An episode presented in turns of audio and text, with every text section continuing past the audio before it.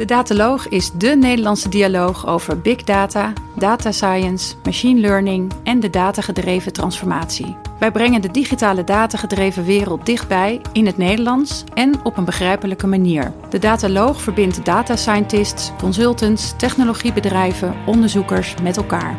Onze uitzendingen bevatten ronde tafelgesprekken, diepte-interviews, toekomstverkenningen, mini-colleges over machine learning en verhalen van ervaringsdeskundigen. En live vanaf uh, de Google Cloud Summit zijn we weer terug uh, met een uh, nieuwe podcast met een van de sprekers van het zogenaamde Leaders Connect hier op de Google Cloud Summit, dus waar de businessverhalen gedeeld worden. Edwin Poot van Energy Works, welkom. dankjewel, dankjewel. En ik zit hier samen met uh, Jurjen aan mijn zijde. Want als het over energie gaat, ja, dan ik, uh, wil ik Jurjen erbij. Ja, dan hoor ik erbij. Ja. Ja. Ja. We hebben heerlijk vol gesprek gehad over meet the values en onbalanced en off-balanced energiemarkt en zo. Oh, ja, ja, ja. ja, Thuiskomen, hè? Thuiskomen hier. Ja, eindelijk. nee, die hele cloud interesseert me niet, maar dat energiemarkt, die, die, dan wordt dan eindelijk een leuke gast. nou ja, mooi. Ja, en nou, jij, jij, hebt gesproken op, op Leaders Connect en dat, was, uh, dat ging fantastisch, want onze afspraak vanmiddag, uh, ja, daar kon je helaas niet halen, want er waren nee. zoveel vragen ja. over wat je nou precies uh, doet. Ja. Dus laten we beginnen bij het begin. ja, wie ben je? Wat doe je? Oké, okay. zo, so, mijn naam is Edwin Poot en ik heb ooit EnergyWorks opgericht, ongeveer acht jaar geleden. En um, uh, begonnen zeg maar uh, ja, in mijn eentje en met de co-founder op een gegeven moment hebben we een, een teampje samengesteld met techneuten eigenlijk om, uh, om een platform te bouwen omdat in deze markt uh, ja, gebeurde er vrij weinig, waren traditionele vendors. Uh, en uh, EnergyWorks, zo heet het bedrijf, wat we toen hebben opgestart, ja, focus met name zeg maar, op het collecteren van data vanuit de smart grid, om dat te kunnen verrijken en daar waarde uit te kunnen halen. Daar komt het in kort op neer. En, en daarnaast wilden we het ook gelijk in een ander jasje steken. Dus we wilden geen ja, platformen op locatie bouwen of op een ouderwetse manier. Gelijk serverless, in de cloud, Google. In 2010. Gelijk al toen, ja. ja. Ja, we hebben één keer op on-premise gedraaid bij de eerste klant, omdat dat eigenlijk een soort vereiste was hè, om die klant binnen te halen. Ja, daar doe je dan alles voor. Ja. Maar na zes maanden kwamen we al met z'n allen achter, inclusief de klant, dat dat eigenlijk niet ging werken. Uh, dus toen zijn we eerst bij Amazon terechtgekomen en later naar Google gegaan. Uh, na een goed gesprek bij Google uh, werden we zo enthousiast en Google zelf ook. En sindsdien zitten we daar en zijn, willen we eigenlijk niet meer weg. Het is echt geweldig hoe dat gaat. Kun je iets meer vertellen over je product? Je, je zegt je collecteert uit smart meters de meter values en de tijden en de energieverbruik. Ja. Oké, okay, so EnergyWorks in, uh, in, in het kort eigenlijk collecteren wij data niet alleen vanuit slimme meters of, of uh, gewoon analoge meters of digitale meters, maar ook vanuit andere sensoren en actuatoren in het, uh, in het grid. Um, dat hangt even vanaf wat voor type klant we mee, mee te maken hebben. zoals je misschien wel bekend bent in deze markt, is de markt opgesplitst. Uh, in onder andere zeg maar een, uh, een, een, distributeur van, van energie natuurlijk en een verkoper van energie. Uh, en die moeten met elkaar data uitwisselen. En daarvoor zijn die meters van belang. want als jij je rekening krijgt, dan willen ze dat eigenlijk real-time kunnen gaan inzien van wat verbruik je nou eigenlijk. Maar daarnaast wil ook de netwerkbeheerder zien van hey, waar zitten mijn spanningskwaliteit issues in mijn net. want als jij heel veel auto's aan het laden bent op een bepaald punt, of, of een bedrijf bestelt ineens 30 laadpalen en het wordt even niet goed gecommuniceerd, wat trouwens wel gebeurt, Zeker, eh, zeker ook uh, buiten deze landsgrenzen. Ja, dan uh, is data wel enorm belangrijk aan het worden. Uh, microgrids bijvoorbeeld. Dus EnergyWorks verzamelt data vanuit al die punten. kunnen zelfs ook laadpalen zijn. Dat doen we ook. dus verschillende ja, soorten equipment, zeg maar. En dat analyseren wij. nou ja, voordat je überhaupt iets kan analyseren, moet je eerst weten of de data goed is. En dan processen wij die data voor die klant. En dan proberen we dat waardevoller te maken door algoritmes op los te laten. Omdat ze, ja. Ja, en wie is dan jouw klant? De klanten, dat varieert eigenlijk wel, maar uh, uh, de laatste jaren zijn dat vaak de, de DSO's, zoals dat noemen, in, in Europa althans. De Distribution uh, System Operators, die dus ja, verantwoordelijk zijn voor de collectie van het data ook en, en het verzorgen van het switchingproces tussen de, de verschillende retailers. Maar wat we ook zien bijvoorbeeld zijn netwerkbeheerders met wie we veel werken. Of gewoon echt retailers zelf. een van onze grootste klanten in Amerika bijvoorbeeld is een, is een retailer voor commercial industrial klanten zoals ze dat noemen. Um, en daar doen we veel data, wat dan weer van een uh, DSO-achtige partij vandaan komt, inlezen, waardevoller maken en uh, mee forecasten, load forecasten met name.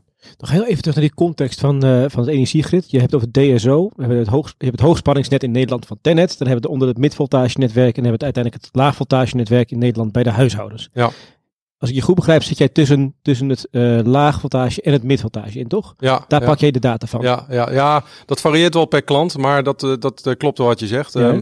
Um, dus, dus kijk, in de Nederlandse markt is het zo dat slimme metadata wordt eigenlijk gecollecteerd en centraal wordt dat zeg maar beschikbaar gemaakt via een partij dat die heet EDSN. wat overigens een klant van ons is. Ehm, en dat gaat via het zogenaamde P4-protocol. Dat is een redelijk ja, traditioneel protocol nog met ouderwetse ja, standaarden. Wat doet uh, dat EDSN, wat is dat precies? Energiedata Services Nederland. Ja. Uh, ja, die, die verzorgt dus zeg maar de interactie, uh, dus als een soort broker van data tussen de marktpartijen. dus zeg maar als, als jij bijvoorbeeld switcht van energiebedrijf van een naar de ander, dan komt jouw data beschikbaar via EDSN. Dus die sturen dan een verzoek uit, uh, zodat hij dat verzoek die data kan gaan collecteren. Bijvoorbeeld je afrekening voor je meter, omdat je switcht, ja. wordt dan zeg maar via die partij wordt dat geregeld. Um, en EDSN die zorgt dan voor dat via dat P4-protocol die data beschikbaar wordt gemaakt. En uiteindelijk um, uh, ja, komt die data bij ons terecht. Uh, nou, die data is natuurlijk al gevalideerd. Uh, dus datakwaliteit is op zich wel oké. Okay. althans, er zijn wel veel, misschien wat gaten en nulwaardes, maar echte rariteit heb je niet. Maar als je kijkt naar meer ruwere data, naar sensoren en actuatoren in het grid bijvoorbeeld, ja, dan kan je inderdaad hele rariteiten met data gaan krijgen. Even, je hebt over actuatoren. Een sensor meet en stuurt dan data. En actuator uh, geef je een commando en die doet dan iets. Hè? Ja, ja, ja, maar die kan ook data produceren natuurlijk. Want je wil de state weten van zo'n apparaat. Uh, dus dat moet je ook bijhouden en loggen. Uh, we hebben bijvoorbeeld een, een klant gehad die, uh, die had dataloggers in het grid geplaatst. Mobiele dataloggers die ze heen en weer verplaatsen. dat deden we trouwens via IoT-technologie. dus die, die dataloggers waren uitgerust met IoT-protocol wat we konden ondersteunen. Um, maar daar werd, was bijvoorbeeld duidelijk na ongeveer een paar dagen collecteren dat de timestamp van de waardes langzaam verschoof met 1% per dag. Hadden ze zelf nog niet bedacht, maar dat dat zo was. Dus ze zaten eigenlijk naar, naar data te kijken van een totaal verkeerd moment. En als je daar dus kritische beslissingen op neemt, ja, dan kan natuurlijk enorm fout gaan. Dus dat soort voorbeelden zien we voorbij komen. Ja, ik, ik, ik, moet lachen. Ik, ik, doe natuurlijk onderzoek naar je laadpalen in, uh, in, in Nederland. En op een gegeven moment hadden de laadtijden die uh, later begonnen dan dat ze eindigden. ja. En uh, dat was altijd op één dag per jaar. Dan mag jij raden welke dag het ja, dat, dat, DST. Nou, dat de dag... Uh, ja, Daily saving time. Nou, ik ja. wilde net zeggen. Wij, onze, onze developers, die praten altijd gekscherend erover. Zeggen, nou, ik wil een t-shirt met I survived DST. En, ja, dan, en dan degene die weet wat dat betekent, die lachen zich helemaal... Uh, en de anderen denken van, wat is dat DST? Ja, precies. Ja. Een jaarlijks terugkerende millennium bug is ja, Ja. Dus, dus of, of Einstein had ongelijk, of de DST-bug is ieder jaar weer aanwezig. Nou, nou, dat is een herkenbaar verhaal, ja. Ja, het lullig is gewoon dat... dat want wij doen ook in Amerika veel zaken natuurlijk... die die, die momenten zijn op verschillende tijdstippen ook nog eens. En op verschillende dagen. Dus je moet per kalender, eh, per type kalender moet je dat, en per tijdzone moet je dat dus helemaal bijhouden. Uh, wij, wij slaan data trouwens op in UTC, als je dat wat zegt. Ja. Uh, en als de data zeg maar, getoond wordt, gevisualiseerd of, of gebruikt wordt, dan pas converteren we naar de tijdzone. Want dan hou je zeg maar, ook de, hoogte, de, de, de, de, detail van die data beschikbaar. Dus ja, want het is soms twee keer twee uur bijvoorbeeld. Ja. Uh, als je één waarde krijgt, wat, wat moet je dan door twee delen die waarde? Of, of snap je? Dus ja. Het tip voor iedere beginnende data scientist, UTC. ja, dus aan de, voorkant van je shirt, I survived DST. En, en achterkant, I use UTC. Oké, okay, die, die, ga ik even opschrijven, want dat vind ik een goeie. Ja. We, moeten nog een keer uh, t-shirts ook hebben voor de dataloog. Ja, dat moeten we ook een keer gaan, uh, gaan, gaan, doen. Dus, inderdaad. dus dit is ook een mooie, mooie ding. En mochten de luisteraars nog betere teksten hebben, dan kan het ook gewoon in de comments hè, onder de podcast. I, survive, I survived de dataloog. Ja. um, en all I got was een. Ja, ja. En die moet je dan geven aan degene die uh, geïnterviewd hebt. Ja, ja, ja, survived de dataloog. Zeker, ja. hey, wat jij zegt, en dat is wel interessant, we hebben natuurlijk een aantal bedrijven uh, langs gehad. Je, jij bent eigenlijk cloud native, bijna. Ja, op, ja. op één project na. Ja, klopt. Nou, ja, dat is wel grappig dat je dat zegt, want in het uh, panel kwam diezelfde vraag naar voren. Kijk, wij, ik, nou, wij, wij, hebben ooit een keer op, op on-prem dus iets gedaan. Nou, um, dat, dat is niet goed uitgepakt en we zijn eigenlijk direct cloud gegaan. We zijn niet alleen cloud native, maar we zijn ook serverless. Dus wij, wij zeggen ook, we willen eigenlijk geen DevOps of operations in ons uh, uh, team hebben. Dus wij, wij geloven heilig in NoOps. En NoOps is natuurlijk een ultieme goal waarbij je zegt van nou oké, we doen alleen functioneel beheer, maar technisch beheer doen wij niet. Hè? Dus het de instand houden van de machines, uh, disk space, noem maar op. En Google is natuurlijk een ideale partij voor ons om mee te werken, want die leveren de serverless platformen waarmee uh, wij kunnen werken. Um, en uh, dat is redelijk uniek, denk ik ook. Daarnaast draaien alle klanten op één source code bij ons, één base source code. En ook op één cloud omgeving. Dus een klant in de US of een klant in Europa, die logt in op, op een EnergyWorks adres. En um, that's it. En daar draait alles onder. Dus als wij releases, zijn alle klanten ook geüpdate in één keer. Als je op, op Marktplaats iets uh, voorbij is komen in aanbiedingen, dan staat er uh, voor een enorm laag bedrag en dan waarschuwt de Marktplaats, ja pas op, want soms is iets te, te mooi om waar te zijn. En, ja. en dit verhaal wat jij nu vertelt, het, het is bijna te mooi om waar ja, te zijn. Ja. Dus waar, waar zit dat addertje? Wat jij nu allemaal uitlegt, um, het is Ehm, textbook perfect. Hè? Waar, de nou ja, ik, die dat werkelijk hebben, die kom je amper tegen. Ja, maar wij zijn natuurlijk begonnen vanuit, uh, vanuit niks eigenlijk. Hè? Dus wij zijn eigenlijk in de tijd begonnen maar dat in 2010. Dat, ja, maar in die, Ja, dat klopt. Maar in die tijd, uh, bijvoorbeeld, uh, kijk, Google App Engine, dat werd vroeger, zeg maar in die tijd, zat iedereen, ja, dat is niks joh, dat is een simpel productje van Google. Uh, daar zijn we als eerste mee aan de slag gegaan. Want wij hadden toen al het idee van, luister, we willen niet, als wij software bouwen, willen we dat deployen via een API. En dat moet automatisch uitgerold worden, gedistribueerd worden over het netwerk. En, en de cloud provider mag dat lekker voor ons gaan schalen en beheren. Um, dus dat hebben we zo ver doorgetrokken dat ons hele releaseproces duurt gewoon een kwartier. Dus wij releasen wekelijks of soms zelfs dagelijks onze releases. Wij geloven in het fail fast, deploy fast, iterate faster concept. Uh, want als je kleine releases uh, of features heel klein maakt en je release en er is wat fout, is het heel makkelijk te fixen. Als je ze verzamelt en je doet het één keer per maand of één keer per jaar en er gaat wat fout, ja, dan heb je de pop aan het dansen. Dus, dus wij hebben dat heel ver doorgevoerd en dat, dat had wel wat impact op ook de developers die, uh, die we of aannamen of bij ons werkten. Hoe groot is jouw team? we begonnen ooit met een teampje van 12 man, zeg maar, het eerste jaar ongeveer. En nu zijn we doorgegroeid naar ongeveer 30 man, waarvan ongeveer, laten we zeggen, twee derde techneut is. Er zit ook wel wat data scientists bij en solution architecten. Uh, maar het zijn allemaal ja, vakidioten, zeg maar, die, ja, uiteraard, ja, die hebben geen 9 tot 5 mentaliteit. Zitten in de weekend en de avond zitten ze nog bezig met nieuwe technologieën. maar het vereist wel wat, wat kunde inderdaad. met name de beperkingen waar je mee moet leren leven in zo'n serverless omgeving. Noem ze eens. Nou, de, wij, ik, ik, ik, eh, noem altijd dat uh, de, de, de sandbox. Uh, de sandbox betekent eigenlijk bijvoorbeeld... als jij data wil, wil verwerken op ons platform... en je schiet data naar ons toe... dan moet je dat binnen 60 seconden doen. Als het langer duurt dan 60 seconden, die data sturen... omdat je heel veel data stuurt bijvoorbeeld of streamt... dan stopt dat proces gewoon. Dus dat dwingt je af, zeg maar, anders na te denken... over hoe je die data stuurt. In kleinere brokjes, parallel. Dan kan je ineens parallel data sturen. Kan je veel meer opschalen, et cetera. Hetzelfde geldt aan de achterkant. Als je bijvoorbeeld... ja, um, uh, data op een verkeerde manier opslaat en je wilt eruit query, ja, dan zou je toch uh, misschien moeten nadenken van nou, ik ga mijn, mijn data niet relationeel opslaan tijdens Siri data, maar bijvoorbeeld in een, uh, in een, in column-oriented database. Dus, dus we hebben heel veel keuzes gemaakt in onze architectuur um, en ook um, ja, met die service architecture in, in ons achterhoofd, zodat we snel kunnen acteren op verandering in de markt en dat we ook kunnen voldoen aan die enorme data-explosie. Want we hebben bijvoorbeeld, we doen ongeveer 20 miljoen plus data sources processen. Uh, waarvan per. sommige zelfs al meer dan secondenwaardes zijn. Dat is per dag? Of, uh... Per dag, nou ja, per dag, ja. ja. Een van onze grootste klanten heeft 6,5 miljoen meters, zeg maar. En die hebben dan niet alles nog slim. Dus de sommige zijn dagwaardes en, en, de rest is dan kwartierwaardes en uurwaardes. Maar we hebben ook klanten die gewoon dataloggers hebben die meerdere waardes per seconde sturen. Dus ja, dat is enorm. En als je natuurlijk ja, dat, dat zelf wil gaan doen in een datacenter met, met, met Kubernetes en, en de compute misschien. Ja, dat zou nog wat te doen zijn, maar dan heb je zo'n groot team, team nodig om dat te beheren. En Google doet dat voor ons. Dus wij deployen en we gaan en het schaalt gewoon op. En natuurlijk hebben we beperkingen en quota's waar we rekening mee moeten houden. Maar dat is wel uh, ja, onze, onze ultieme doel, uh, serverless zijn. Hoe, hoe vind jij je, me, uh, je mensen en vooral die ontwikkelaars? Ja, dat is best lastig natuurlijk, want wij vissen in dezelfde vijver als iedereen. We hebben veel nationaliteit ook bij ons op kantoor. Er wordt voornamelijk Engels gesproken, zeg maar. Um, dus ja, we vinden door gewoon onze, onze kenmerken van ons bedrijf en de fun factor zeg maar goed te benadrukken en op onze website te promoten natuurlijk. Maar ja, ook op de misschien de gevestigde website Stack Overflow, waar ik zelf ook altijd kijk of, of, of op terecht kom als ik iets aan het zoeken ben of een issue. Of ik spreek bijvoorbeeld op events zoals deze of op developer events, waarbij dan developers naar je toe komen. Oh, dat is interessant. Of ik ben data scientist. En, uh, dus, dus zo proberen we dat een beetje te doen. Uh, maar het is inderdaad lastig. We zoeken eigenlijk 10x mensen, zoals Google dat ook zo mooi noemt.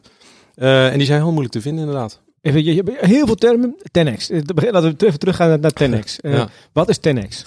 Nou ja, 10x dat betekent eigenlijk dat ja, jij bent helemaal het, het schaap... op de beursvloer geweest. Nee, hier, ik ben, nee, ik ben, het hele thema. Loop naar binnen en ja. ja. Maar ja. We, we, leggen het nog één keer uit. Ja. Nou, laten, we, laten we zeggen, een beetje de schaap met de, met de vijf poten, zeg maar. Die zoek je natuurlijk. Hè. En zeker bij als een start-up... Heb je natuurlijk dat soort mensen nodig. Dus niet alleen qua technische skills bedoel ik ook, maar mentaliteit ook. Maar voor Google gaat het 10x ook over exponentieel groeien. Ja, niet ja. Uh, 1 plus 1, maar uh, ja, keer 10. Ja, ja. Kijk, 10x betekent gewoon dat je, dat je um, en daarom is serverless ook zo belangrijk voor ons, dat je zoveel kan realiseren met weinig. Ons team is relatief klein. Bijvoorbeeld, we hebben geveste, geveste concurrenten die gewoon honderden of soms duizenden developers hebben. Daar concurreren we mee en daar winnen we gewoon ook klanten van. Dus dat zegt geeft wel aan dat we met een relatief klein team veel grotere dingen kunnen doen dan, dan hun met een heel groot team. Maar als je even omdraait, je hebt een server, dus er ergens, is ergens een muur tussen jouw bedrijf en wat je ergens aan IT-achtergrond, maak je je geen zorgen over. Ja. Je zegt, we winnen van mensen met 10.000 uh, uh, developers zitten aan de andere kant van die muur niet dedicated voor jou een team van 10.000 te werken. En dan denk je, oh god, als die Energyverse nou maar niet een nieuwe release ja, doen, dan, en, dan gaan wij over de kop. Ah, dat, en wat ja. bedoel je dan? Dat die, die, die de rekening Google, die, Google, die, je krijgt van Google, dat die, dat die, uh, die weer betalen is voor je?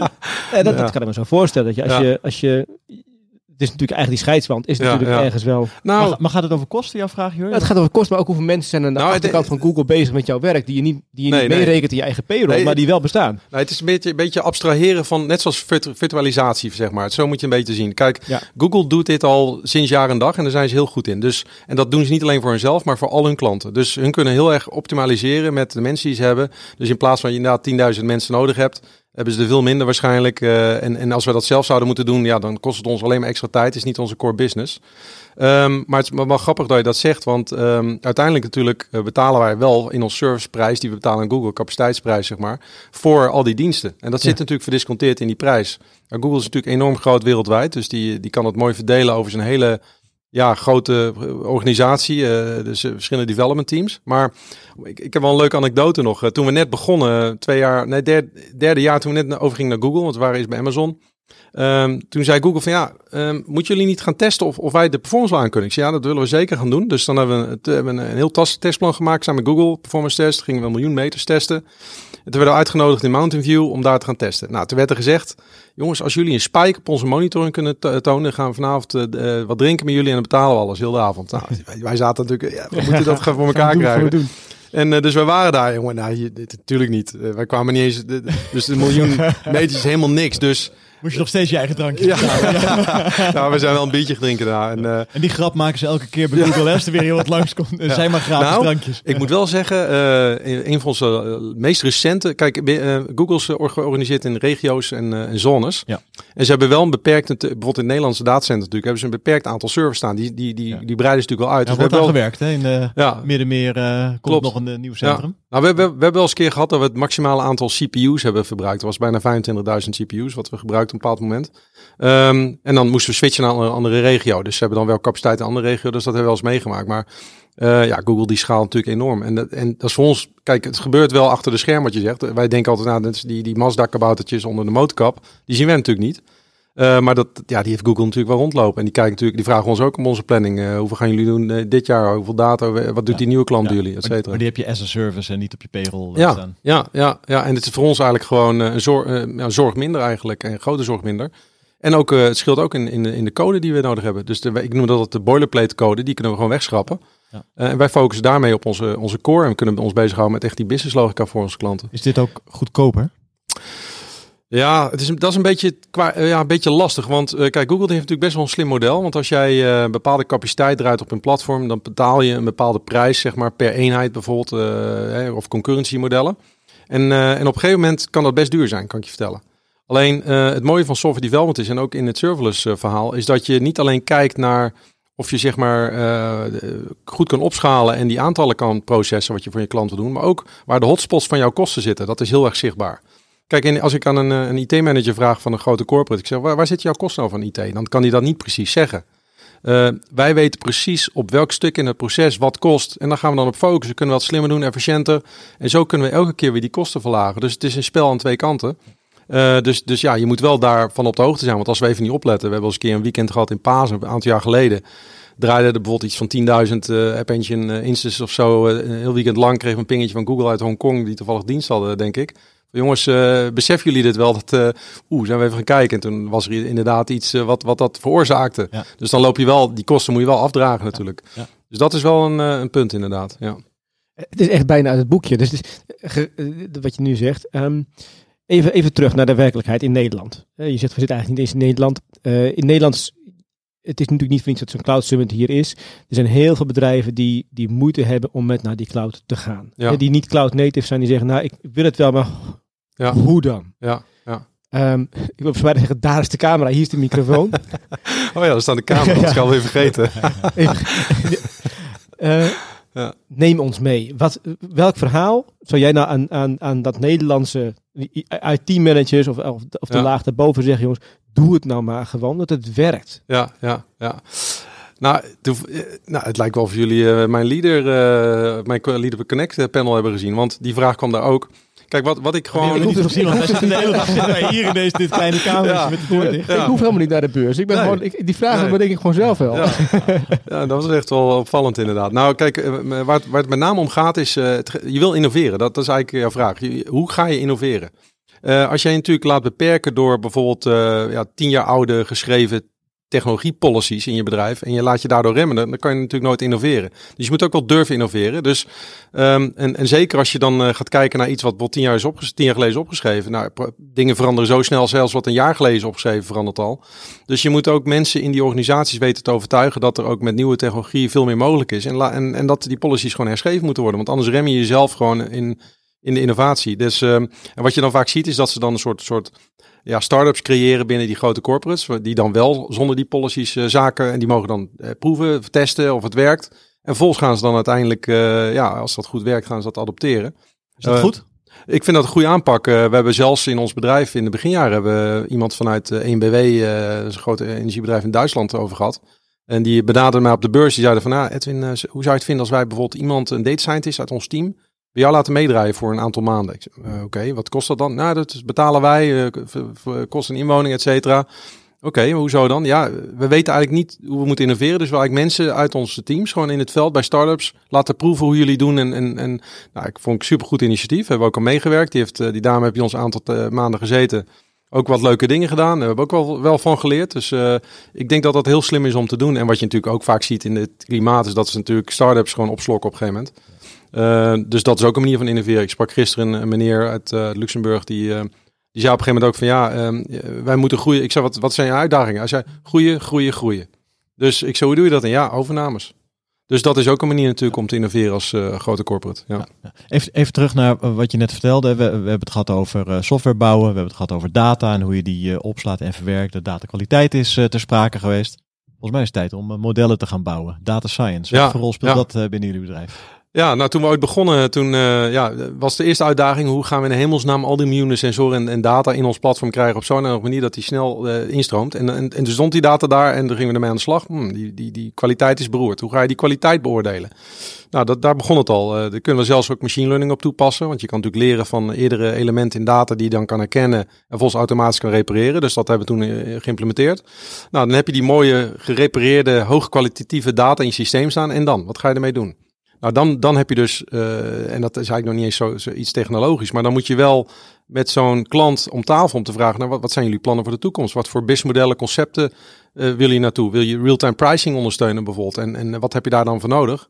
En uiteindelijk natuurlijk moeten er modellen gemaakt worden die je dan wel kunnen loslaten op die data. Dus wij hebben in ons platform natuurlijk, uh, en wij noemen dat uh, play with data. dus het moet fun zijn om met die data te spelen. En dat betekent dat die data direct toegankelijk moet zijn in een GUI beetje rondklikken met de muis, uh, wat slepen en, en het moet voor business users toegankelijk zijn. Dus kijk, een data scientist kan gewoon algoritmes bouwen en ons platform inpluggen. Maar de business users moeten gewoon met in een fun user interface, zelfs op een mobiel, uh, hun data kunnen inspecteren of manipuleren. Of misschien wel uh, resultaten van bekijken op een dashboard. Hoe werkt dat dan, uh, data manipuleren in een fun interface? Ja, dus we hebben eigenlijk een soort, soort bouwstenen, een soort Lego bijna. dus dus wij noemen dat pluggable rules. en pluggable rules bevatten eigenlijk algoritmes, kleine stukjes algoritme. Dus eigen tooling? Ja, we hebben eigen tooling gebouwd. Uh, we hebben wel wat Google tooling onder de motorkap, zeg maar, die we gebruiken, eh, waar we op inpluggen. We gebruiken bijvoorbeeld Dataflow om onze data te processen. Maar een klant kan zijn eigen bouwstenen bouwen. Uh, en we hebben gekozen voor Python in dit geval, omdat um, ja, Python is een enorme community natuurlijk met allerlei soorten algoritmes die, die gewoon bestaan. Heb je notebooks waar je in kan, kan we, werken? Dan? Ja, we hebben zeg maar een soort data lab omgeving, wat eigenlijk Jupyter is, waar, waar we in integratie met onze platform hebben gebouwd. Dus een API client, zeg maar. Dus een klant kan eigenlijk data uit ons platform trekken naar zijn notebook, kan die een beetje inspelen en kan niet weer terugduwen. Maar hij kan ook zijn eigen algoritmes bouwen in zijn notebook of in zijn eigen ontwikkelomgeving.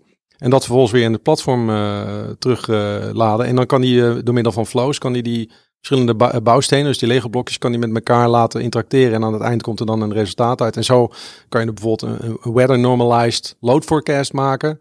Waarbij de weather normalized kant een stukje detectiealgoritme is om te kijken of iets weer afhankelijk is of niet. Gebruiken we ook weer data die we extern inladen.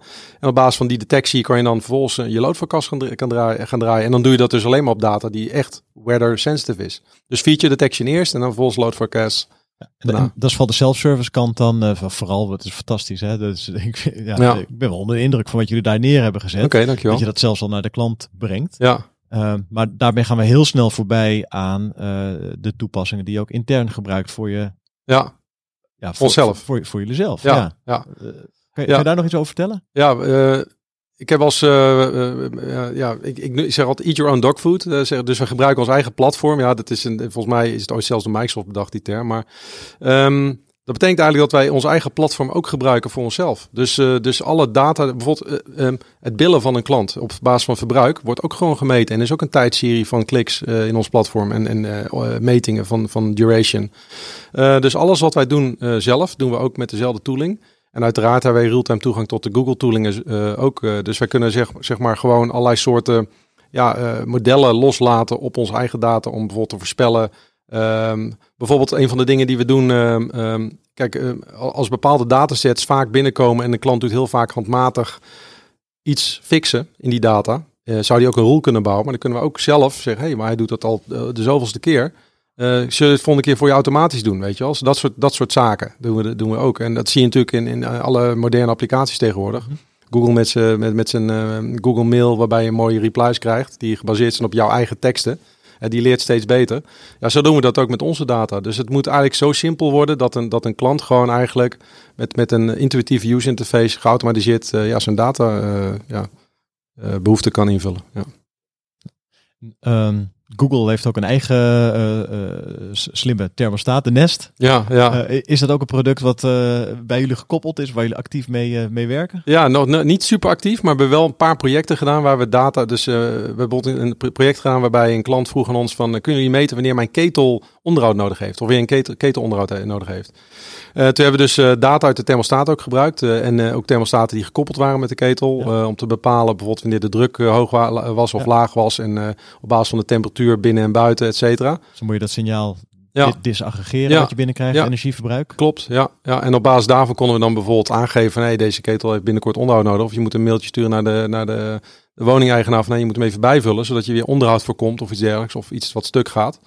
Uh, dus we hebben wel een aantal van dat soort trajecten gedaan. Uh, ook, ook bijvoorbeeld uh, voorspelling op, op basis van, van brandveiligheid. een slimme meter is aangesloten met drie, drie fases. Als je die kabels, zeker in nieuwbouw, niet goed hebt vastgedraaid, wat wel eens een keer gebeurt, kan dat, kan dat vonken, kan dat smelten, heet worden. ja, en, en, in Nederland hangt het in je huis, in, in Amerika hangt het buiten je huis bijvoorbeeld. Dus dat kan wel een impact hebben. Dat soort dingen hebben we ook gedetecteerd voor klanten. Ja. Zie je daar ook een toekomst voor, voor de organisatie? Dat je veel meer die, ik kan me voorstellen, ja, naar die services toe ik zie de, ook. Ja, ik zie er wel een toekomst. We hebben wel gezegd altijd vanuit EnergyWorks, um, wij willen niet IP hebben op onze algoritmes, bewust. Ons businessmodel is niet gebaseerd op algoritmes. Waarom? We willen eigenlijk dat die algoritmes steeds beter worden. En dan moet je ze in een ecosysteem binnen je klantengroep moet je ze, wil je ze open hebben. Je wil niet dat de klant zegt van ja, maar dit is mijn algoritme, mag niemand aanzitten. En van wie heb je dat uh, geleerd?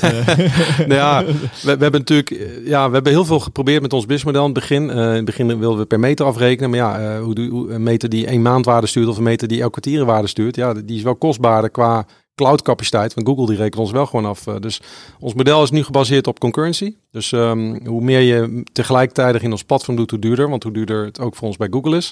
En zo rekenen we af. Dus als Google uh, een hoge factuur stuurt naar ons, uh, wordt die factuur naar onze klant ook automatisch hoger. Maar, maar als je even terugkomt op die algoritmes. Um, kijk, natuurlijk bedenken wij heel veel interessante algoritmes zelf ook. We bouwen ook heel veel rules. We hebben een soort library gebouwd met allemaal algoritmes waar de klant zeg maar zijn eigen flows mee kan samenstellen. Die Lego blokjes.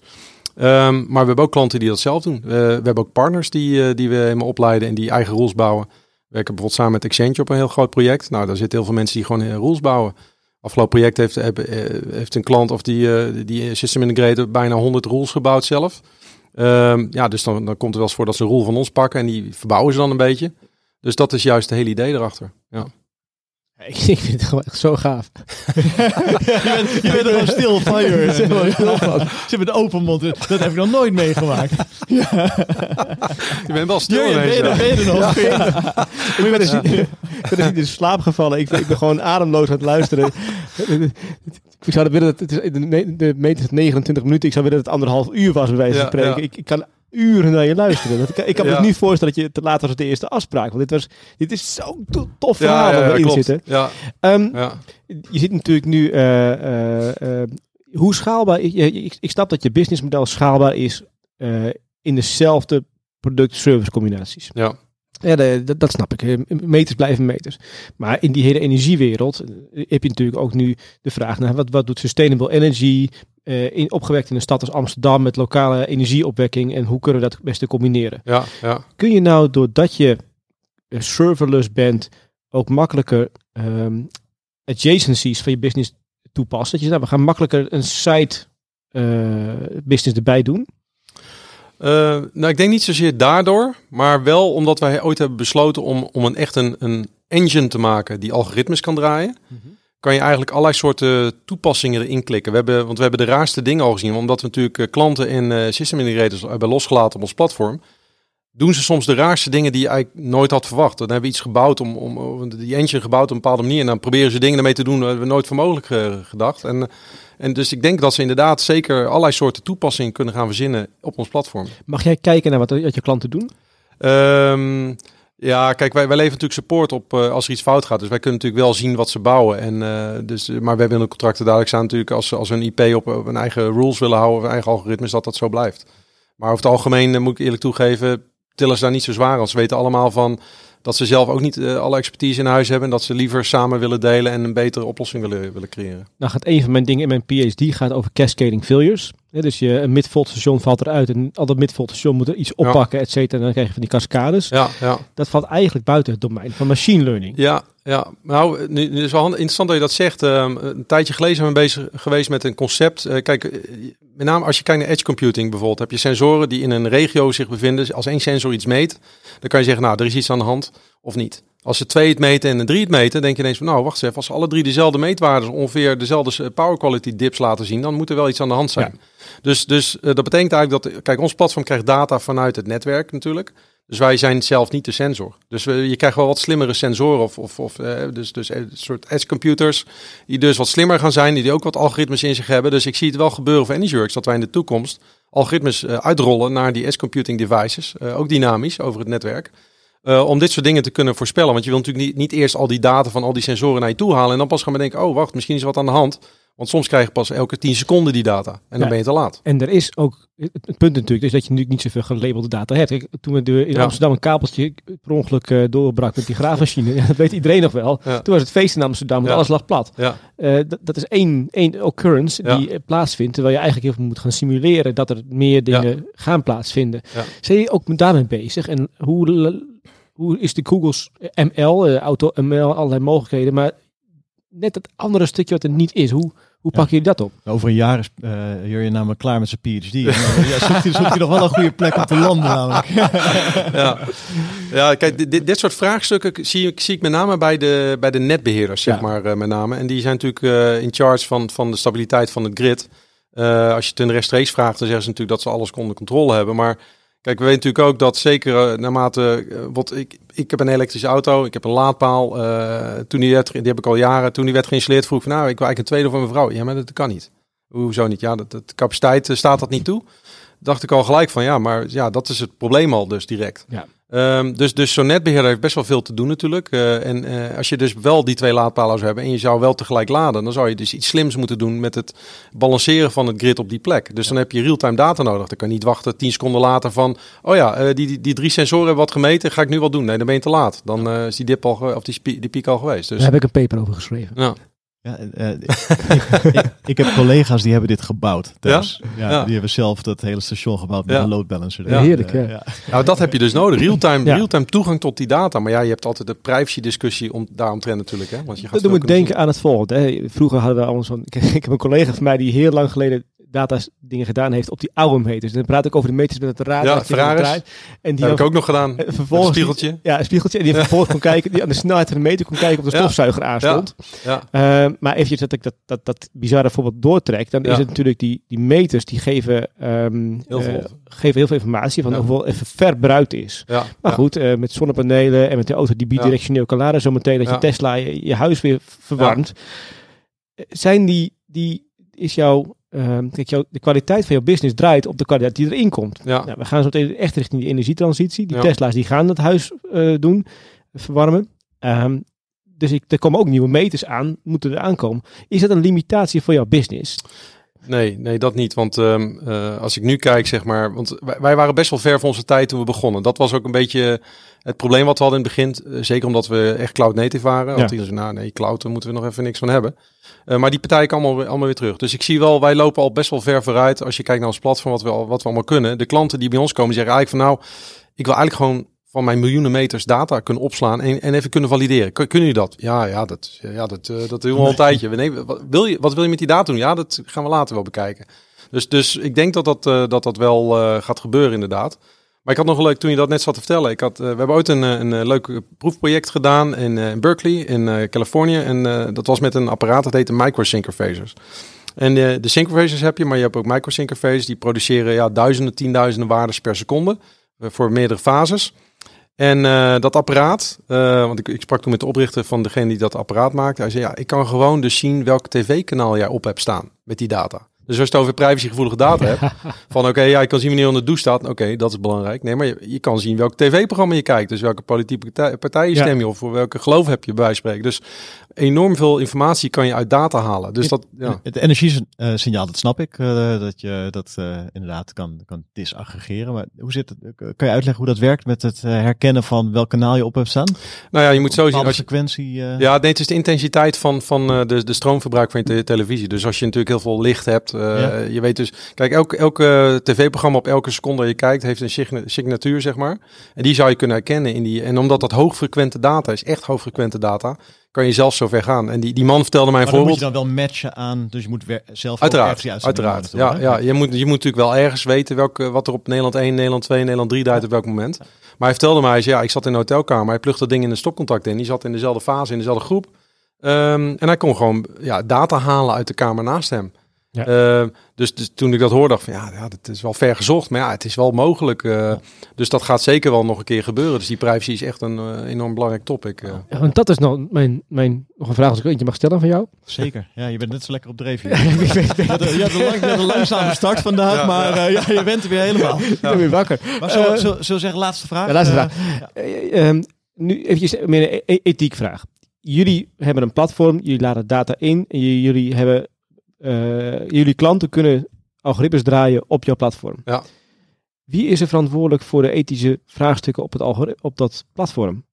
Als, als, als nou een, een uh, nou, ja, je kunt, je kunt de voorbeelden zelf op bedenken, maar ja, ja. waar ligt die verantwoordelijkheid op een gegeven moment? In principe ligt dat bij de klant, uh, want als je kijkt ook naar de privacywetgeving natuurlijk over verzamelen van data. Als wij bijvoorbeeld, kijk als, een, als een, een netbeheerder bijvoorbeeld zelf niet mag weten um, wie er op welke plek woont op basis van zijn data ook bijvoorbeeld. Hè. Er is een hele discussie over geweest over die privacy.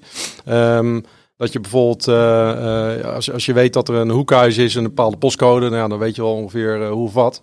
Um, dus, dus als een klant dus gebonden is aan die privacywetgeving, zeg maar, dan kunnen wij maatregelen treffen zodat ze daaraan kunnen voldoen. Dus wij hebben een bepaalde manier waarop we zaken kunnen pseudonymiseren, zoals we dat noemen. Ja.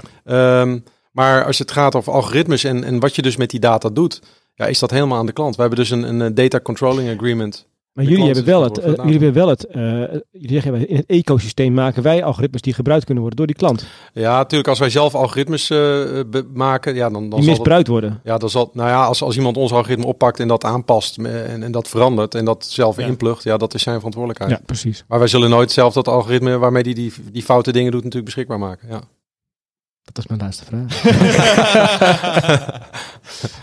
Ja, fantastisch. Edwin, wat dan... Uh, ja, het, het, verhaal het klinkt als een bus. Het, uh, ja. Helemaal rond en... Uh, ja, Dankjewel. Dankjewel, Dankjewel. Voor, het, uh, voor het delen. Heel leuk om te doen. Ontzettend gaaf dit. Heel, ja. is heel leuk als zulke enthousiaste mensen vragen stellen.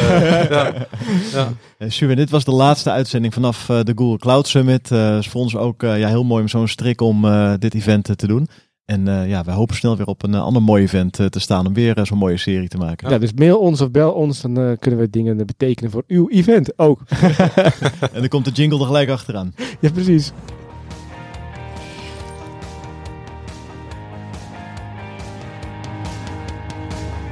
Bedankt voor het luisteren naar deze uitzending van de Dataloog podcast. Wil je automatisch wekelijkse podcast ontvangen? Klik dan op subscribe in jouw favoriete podcastprogramma. Vond je onze podcast leuk, goed, interessant of wellicht te veel ene en nullen? Laat een review achter of geef thumbs up. Heb je vragen of opmerkingen? Kijk dan ook eens op www.dedataloog.nl. Hier staan ook de show notes van alle uitzendingen. De studio van de Dataloog is gesponsord door het onderzoeksprogramma Urban Technology van de Hogeschool van Amsterdam. Alles wat we maken doen we onder Creative Commons. Je mag alles hergebruiken voor niet-commerciële doeleinden, zolang je ons als bron maar noemt. Volg ons op Twitter op @dedataloog. Graag tot de volgende keer en voor nu tot data.